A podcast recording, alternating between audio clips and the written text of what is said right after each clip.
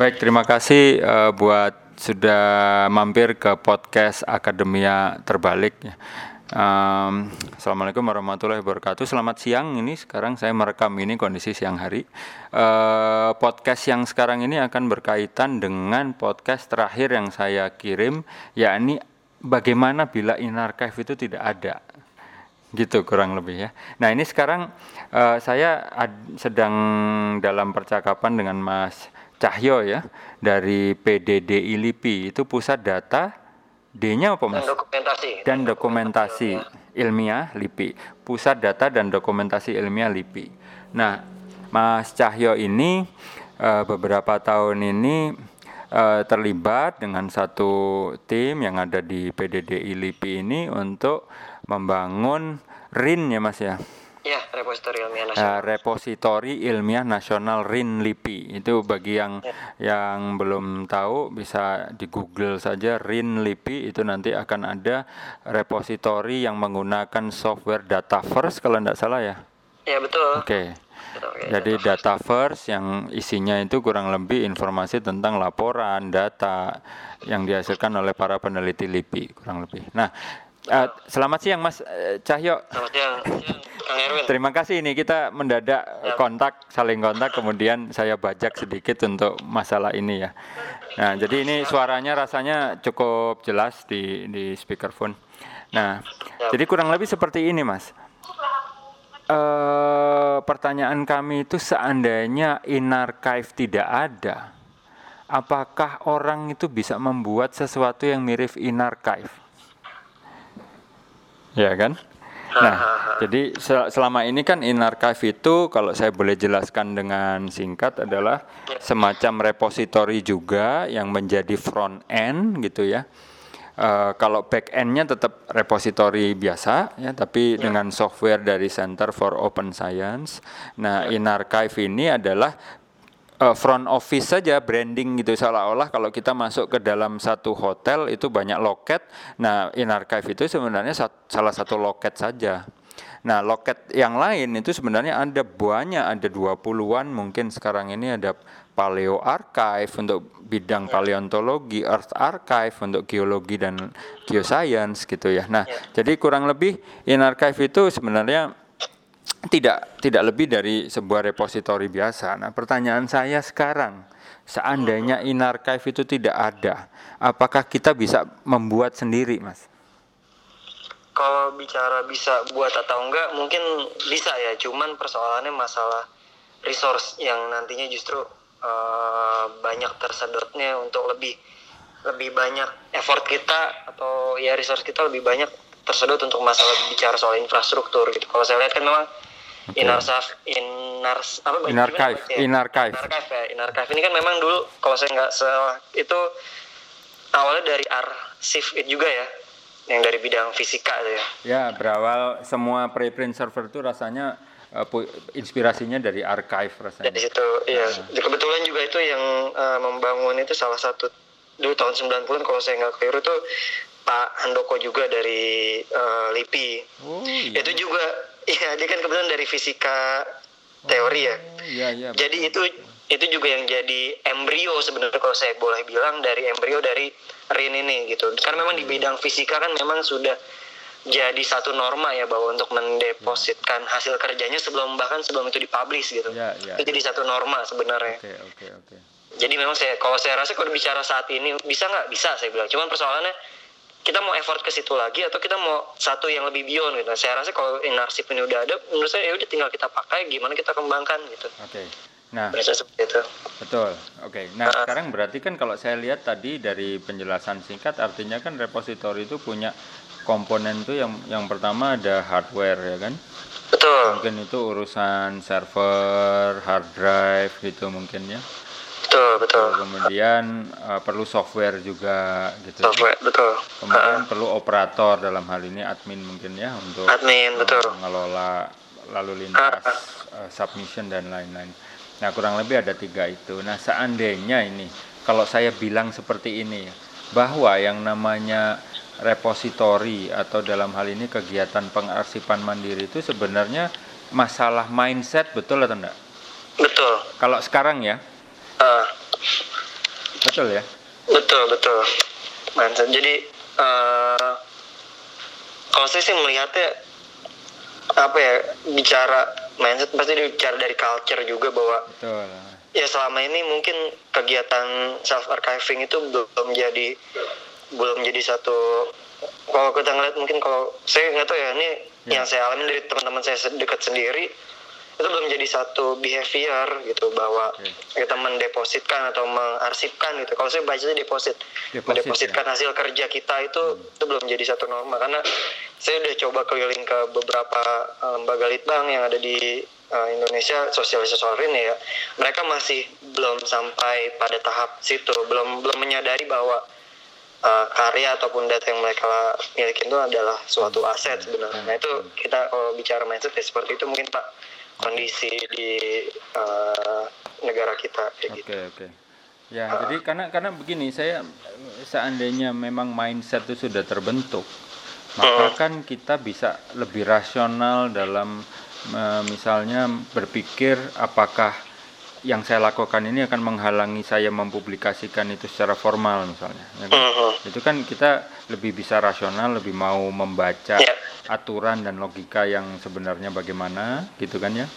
Terus oh. yang berikutnya adalah kalau sudah menjadi mindset maka uh, kita itu akan mencari resource mana yang atau resource apa yang bisa kita pakai dengan upaya yang seminim mungkin gitu ya. Misalnya, misalnya begini ya, kalau mindset itu sudah tercapai, misalnya buat yang apa yang programmer itu dengan mudah mungkin sekarang sudah ada GitHub, sudah ada GitLab yang itu bisa searchable, bisa ditemukan dengan uh, mesin pencari biasa begitu ya. Mungkin untuk yang non programmer mungkin bisa pakai layanan-layanan uh, yang completely free misalnya dari Zenodo begitu ya. Itu kan dia memang disediakan oleh CERN untuk yeah. orang dan saya nggak tahu batasannya itu berapa saya juga nggak ngerti. Karena dari brain imaging orang-orang yang brain imaging itu kan satu image itu bisa 50 giga. Betul pak. Dan itu ditelan saja dengan gampang oleh sistemnya Zenodo itu. Zenodo iya. Dan itu salah satunya. Terus misalnya layanan yang freemium misalnya seperti Fixshare begitu ya. Itu kan e, sampai 10 giga mungkin itu bisa bisa free ya seperti yeah. itu nah artinya kan layanan-layanan seperti itu kalau mindset sudah ada orang akan bisa e, pakai begitu ya Betul. terus untuk lembaga-lembaga atau universitas yang ya contoh LIPI misalnya ya uh, itu maka akan secara mandiri punya kesadaran juga menyediakan uh, server atau infrastruktur untuk warganya kan begitu ya. Betul. Nah untuk urusan resource memang saya setuju. Saya mungkin dalam minggu ini akan bicara juga dengan podcast ya eh, dengan partner saya di Direktorat IT-nya ITB yang kami berdua sama-sama membangun repositori ITB yang, yang terbuka gitu. Nah itu akan saya tanya juga secara teknis tuh apa saja yang diperlukan gitu. Nah, jadi kalau menurut Mas Cahyo sebenarnya e, kalau untuk misalnya ya katakanlah RIN itu sebuah universitas atau LIPI itu sebuah universitas yang dosennya kira-kira seribu misalnya begitu ya. ya. Itu sejauh mana sih e, biaya yang diperlukan itu apakah masih dalam jangkauan gitu atau seribu itu wah sudah kayaknya nggak kebayar pak dengan dengan anggaran universitas yang cuma berapa misalnya begitu kalau skala Mas Cahyo gimana nih uh, anggaran untuk penyediaan infrastruktur gitu ya. Hmm, hmm, hmm. untuk uh, penyimpanan. Sebenarnya uh, kalau bicara anggaran komponennya banyak ya pak ya. Yeah. apalagi kalau kita bicara soal storage uh, untuk yang jangka panjang gitu ya. Hmm, hmm. Ya memang uh, kalau secara angka sih nggak bisa sebut. Cuman memang akan jadi lumayan beban sebenarnya kalau misalnya secara mandiri setiap apa namanya perguruan tinggi menyelenggarakan ya. apa namanya uh, repositorinya secara eh, masing-masing uh, gitu. Terutama yang kecil ya, yang betul pak. Masih kecil. Uh, uh, makanya di kami pun kenapa kita juga pakai salah satu platform open source salah satu masalah itu keberlanjutan karena yang lebih hmm. penting kan masalah sustainability-nya ya karena kalau kita develop sendiri hmm. Kita nggak ada kolaborasi dengan pihak lain. Anggaran suatu saat kita nggak pernah tahu anggaran dukungan anggaran sejauh mana gitu kan. Ya ya. Tapi akan akan jadi masalah di kemudian hari gitu. Makanya kalau dibicara angka itu sebenarnya uh, ya bisa dibilang relatif lah besar kecil cukup enggaknya gitu. Betul, betul. seperti itu kalau saya lebih melihat tapi makanya kalau gimana pak? Tapi dengan angka misalnya maksud saya gini kan misalnya kita ini sekarang kalau melihat angka 100 juta itu sudah biasa ya. Mungkin ya. mungkin baru merasa besar itu kalau sudah satu miliar misalnya gitu ya. Nah itu kira-kira dengan untuk repositori kelas menengah gitu kira-kira berapa taksirannya? Saya juga jadi nyesel nggak masuk IT gimana kalau saya nggak jujur kalau hitung-hitungan secara nominal saya nggak kurang menguasai ya gitu sebenarnya. ya. Cuman kalau bayangannya bayangannya gini ya, uh, kita punya satu yang saat ini ya di LIPI kita punya storage itu sampai uh, 5 petabyte. Okay. Yang tahun ini akan di uh, yang tahun ini akan diextend sampai 12 petabyte untuk uh, skala nasional. Nah, anggaran itu kurang lebihnya mungkin hampir 30 persen dari ya sekitar 150-an 150 eman itu ya untuk uh, storage itu gitu Skala 5 peta ya Ya, sekit, uh, untuk naik dari 5 ke 12 gitu. Oh, dari 5 ke 12. Okay. Ya, itu kira-kira angkanya segituan ya, 150. Ya, ya, ya, ya, ya. Oke, oke. Jadi kayak gitu. Nah, itu kan kita bisa breakdown lagi kalau mau di kecil-kecilin lagi artinya benar, benar, untuk perguruan tinggi artinya katakanlah mau naik jadi punya satu peta satu peta itu baru dari sisi infrastruktur belum dari sisi SDM-nya. Benar. Kan kan semua akan ada cost-nya ya. Benar benar. Uh, kita berapa bayar manpower uh, per bulan betul, kayak gitu. Betul. Kemudian nanti cloud-nya seperti apa. Tapi dari sisi Mas Cahyo yang sekarang sedang me mendalami ini, kalau untuk ya. urusan human resource itu bisa nggak kita buat model seolah-olah seperti masuk ke dalam jenjang apa ya pustakawan atau apa begitu yang nantinya ada karirnya gitu untuk SDM yang melakukan pengelolaan gitu ya ya ya di repositori ya kalau saya kalau kebetulan kan memang di kami nih saat ini sedang mengusulkan nih pak untuk uh, satu jenjang karir ya hmm. kita nyebutnya jabatan fungsional gitu hmm. yang memang khusus untuk uh, menghandle uh, apa namanya pengelolaan data ataupun karya gitu. Ya. Uh, ke depan pun kita ini akan jadi satu profesi yang apa ya uh, menjanjikan gitu ya dan akan memang akan ada petnya gitu secara secara uh, pemerintahannya gitu. Ya, ya oke. Okay. Seperti itu. Jadi kan sebenarnya memungkinkan ya itu ya. Betul Pak, sangat memungkinkan. Maka makanya kita kenapa kita mengusulkan salah satu karena itu ada kebutuhan dan memang harus dijawab oleh SDM yang memang khusus untuk melakukan pengelolaan karya dan data gitu. Ya ya ya. Okay. Mm-hmm. Nah jadi tapi intinya kalau kalau Mas Cahyo misalnya melihat sesuatu yang seperti in archive ini uh, itu sebenarnya sudah sangat mudah atau sangat biasa sebenarnya di, di dunia dunia software repository ya, atau setup repository ya. Jadi yang uh, tidak ada yang istimewa kan sebenarnya. Iya, ini ya maksudnya nih jadi sebenarnya kalau kita ngelihat ke global sebenarnya sesuatu yang jadi norma sebenarnya kan. Hmm. In archive untuknya preprint gitu ya. Hmm, hmm. Karena memang ya salah satu kenapa uh, repository ini muncul ini juga embrionya dari sana gitu. Kita juga banyak diinfluence oleh Pak Kepala gitu ya. Hmm bahwa ini norma-norma seperti ini gitu dan dataset penyimpanan dataset itu bahkan kalau dari uh, LIPI embrionya itu dari 2000 ya tahun 2000-an gitu ya. Cuman memang waktu pada saat itu belum bisa melembaga karena banyak faktor. Salah satunya juga ekosistem digital kan tuh pada saat itu masih belum begitu merata ya di Indonesia. Ya gitu. Nah sekarang di era digital ini jadi jadi lebih melembaga lagi lebih lebih banyak yang bisa menggunakan gitu. Akhirnya juga ya, ya baru kayak kita bisa bilang ngebumi baru sekarang lah gitu. Ya. Jadi kesannya kesannya kayak baru. Padahal ini sesuatu Betul. yang udah udah lama gitu. Dan yeah, dan software-software sekarang ini saya saya kurang paham ya. Ini terakhir mungkin dari saya. Saya mungkin akan akan minggu ini akan bicara dengan teknisi yang yang saya sampaikan tadi. Uh, hmm. Tapi kalau dari sisi Mas Cahyo sendiri sekarang software dan hardware yang sekarang tersedia kan sebenarnya sudah uh, intinya sudah seperti ada template-nya begitu kan ya. Betul Pak. Jadi sudah ada bahwa yang namanya aja. repositori itu harus bisa ditemukan dengan mudah filenya, bisa diakses, bisa di ya kan dan seterusnya.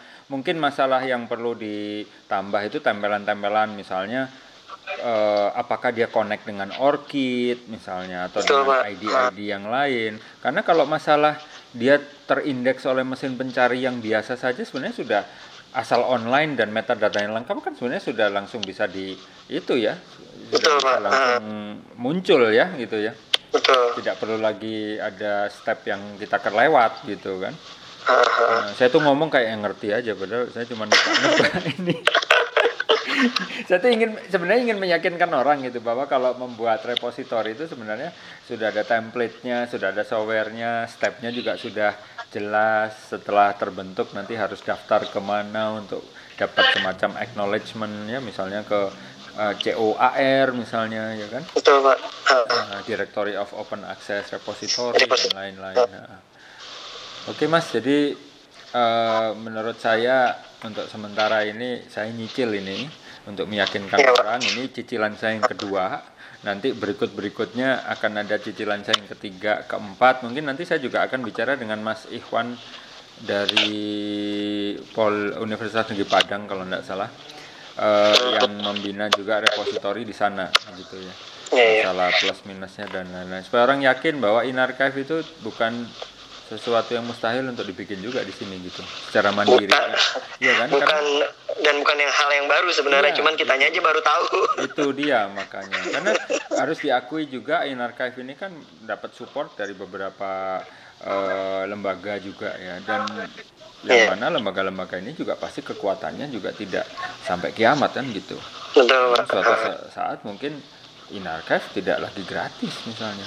Iya. Uh, bukan tidak bukan ti- artinya bukan harus nanti tidak ya saya yakin tidak akan jadi entitas bisnis hanya pastikan ada unit cost yang dibebankan kepada user gitu kan. User, betul, Nah, ini Pak. basisnya community gitu loh Betul. Nah, itu kan akan jadi lebih ngeringankan sebenarnya. betul nah akan lebih enak lagi kalau yang seperti ini ini didukung oleh infrastruktur yang ada di Indonesia softwarenya saya nggak tahu kalau bisa bikinan Indonesia begitu ya terus kita itu seperti bayar zakat kan gitu lebih enak lah ini buat Betul, Pak. Lagi kan gitu ya Kemudian- gotong royong. Betul. Nah, kemudian terakhir lagi instrumen-instrumen nasional itu misalnya Sisteknas itu kan sebenarnya undang-undang itu mendukung open access. Betul Ya, Pak. Kemudian Itu nanti yang ah, Iya kan? Kemudian Iya, betul. Ah. yang mungkin diacu oleh PDDI nanti apa? Nah, tinggal yang satu lagi ini urusan Diknas ini ya kan? Atau Diknat Iya. atau apalah ini sekarang. Pindah-pindah soalnya. Nah, Kita itu lihat nanti. benar. Nah, itu eh, intinya kan itu yang penting itu open access itu itunya. Jadi sebenarnya bukan masalah ke jurnal yang mana nanti terindeks apa ini itu itu nanti itu urusan administrasi menurut saya gitu loh. Dan orang sekarang menggabungkan memblend urusan administrasi itu seolah-olah menjadi urusan substansif gitu. substansi. Betul. Dah. saya ngomong kayak begini kayak yang punya negara aja. Jadi jadi kurang lebih seperti itu Mas Cahyo ini terima kasih ada tambahan wawasan dari Mas Cahyo. Terima kasih juga bersedia mendadak ini lewat WhatsApp call untuk bisa bicara di sini. Mudah-mudahan ke depan ini ada banyak masukan input dari para pendengar masalah Open Repository Indonesia begitu ya. Siap, siap, siap, siap. Baik Mas Siap, Pak. Cahyo kita ketemu semoga dalam waktu dekat ini ya. Siap, siap. Senang Pak saya. Terima kasih. Sama-sama, Pak. Siang. Assalamualaikum. Siang, Pak. Waalaikumsalam.